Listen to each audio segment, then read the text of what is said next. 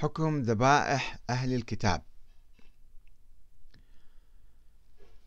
وردت في هذه المسألة روايات متناقضة من أئمة أهل البيت.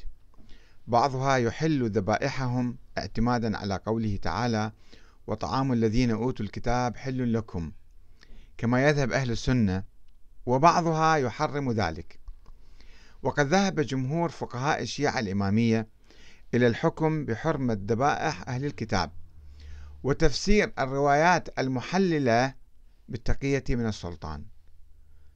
وذهب الشيخ المفيد إلى حمل أخبار الحلية على التقية من السلطان وإشفاق الإمام من أهل الظلم والطغيان إذ القول بتحريمها خلاف ما عليه جماعة الناصبية وضد لما يفتي به سلطان الزمان ومن قبله من القضاة والحكام. وقال الشيخ المفيد بقوة إني أحرمها لقول الله تعالى ولا تأكلوا مما لم يذكر اسم الله عليه وإذا ثبت أن اليهودي لا يعرف الله سبحانه لاعتقاده أن الله عز وجل أبد شرع, شرع موسى وأكذب محمدا وكفر بمرسل, بمرسل محمد واعتقاده أن الذي أرسله الشيطان دون الرحمن.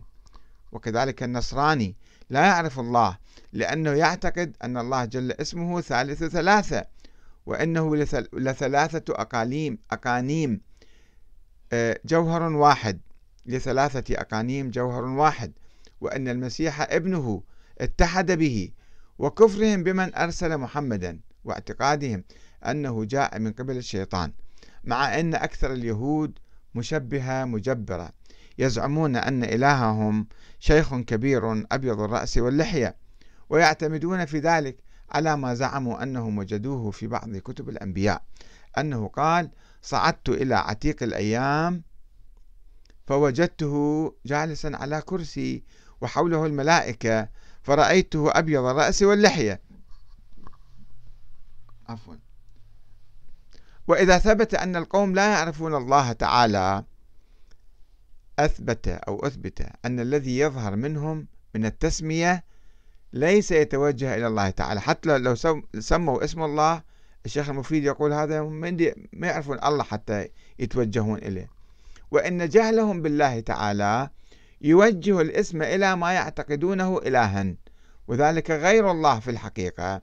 وإذا لم يقع التسمية لله في الحقيقة لم تحل ذبائحهم.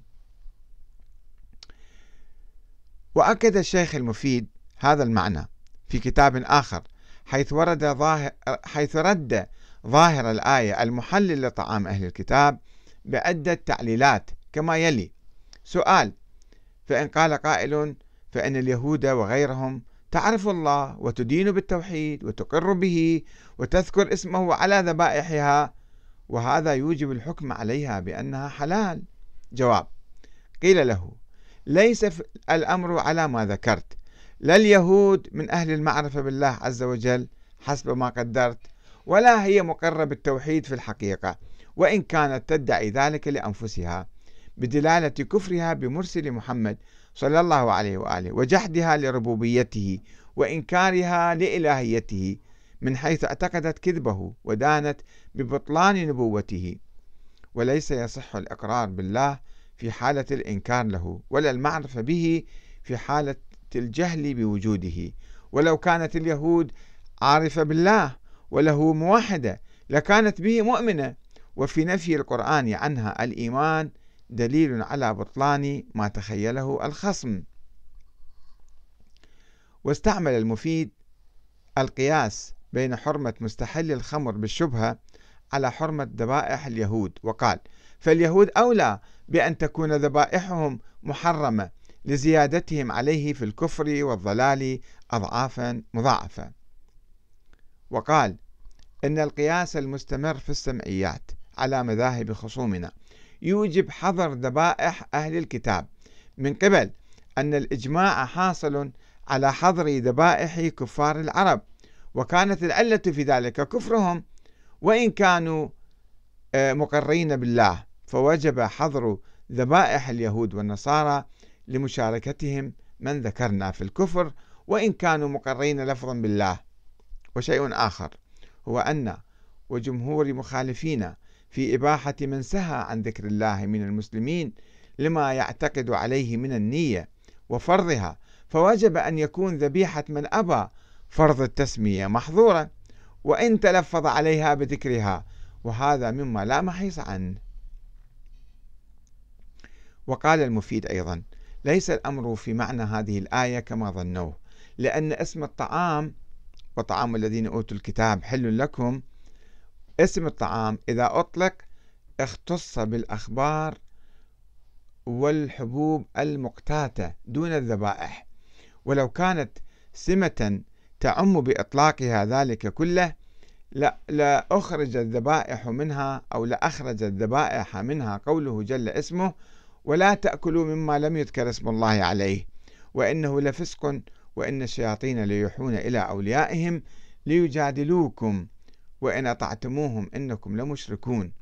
وقد ثبت أن اليهود والنصارى لا يرون التسمية على الذبائح ولا يعتقدونها فرضا في ملتهم ولا فضيلة.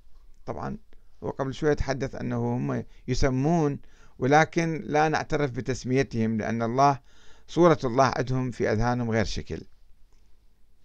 ورغم كل هذه التبريرات والتعليلات في صرف النظر عن ظاهر الآية التي تحل طعام أهل الكتاب والطعام يعني طبيعي الرز والخبز وكذا هذا شيء طبيعي ما في مشكلة يعني المشكلة في اللحم في الذبائح.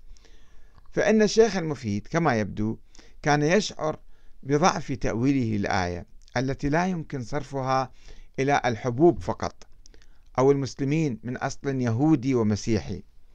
ولذلك لجأ إلى التمسك بالأحاديث وقال عمدتنا في ذلك أقوال أئمتنا الصادقين من آل محمد وما صح عندنا من حكمهم به. وإن كان الاعتبار دليلا قاطعا عند ذوي العقول والأديان فإنا لم نصل إليه دون ما ذكرنا من الأثر. وقد اتخذ المفيد هنا موقفا مخالفا لما اتخذه في مسألة العدد ومال إلى الأحاديث التي تعارض أهل السنة. وتخالف ظاهر القرآن وكان من الأولى به أن يلتزم بالظاهر ويرفض الأحاديث المخالفة له. ولكن هذه المشكلة أن مخالفة أهل السنة دفعته إلى الأخذ بهذه الأحاديث التي تحرم ذبائح أهل الكتاب. رغم أن هناك أحاديث من الأئمة تبيح ذلك أيضا. والسلام عليكم ورحمة الله وبركاته.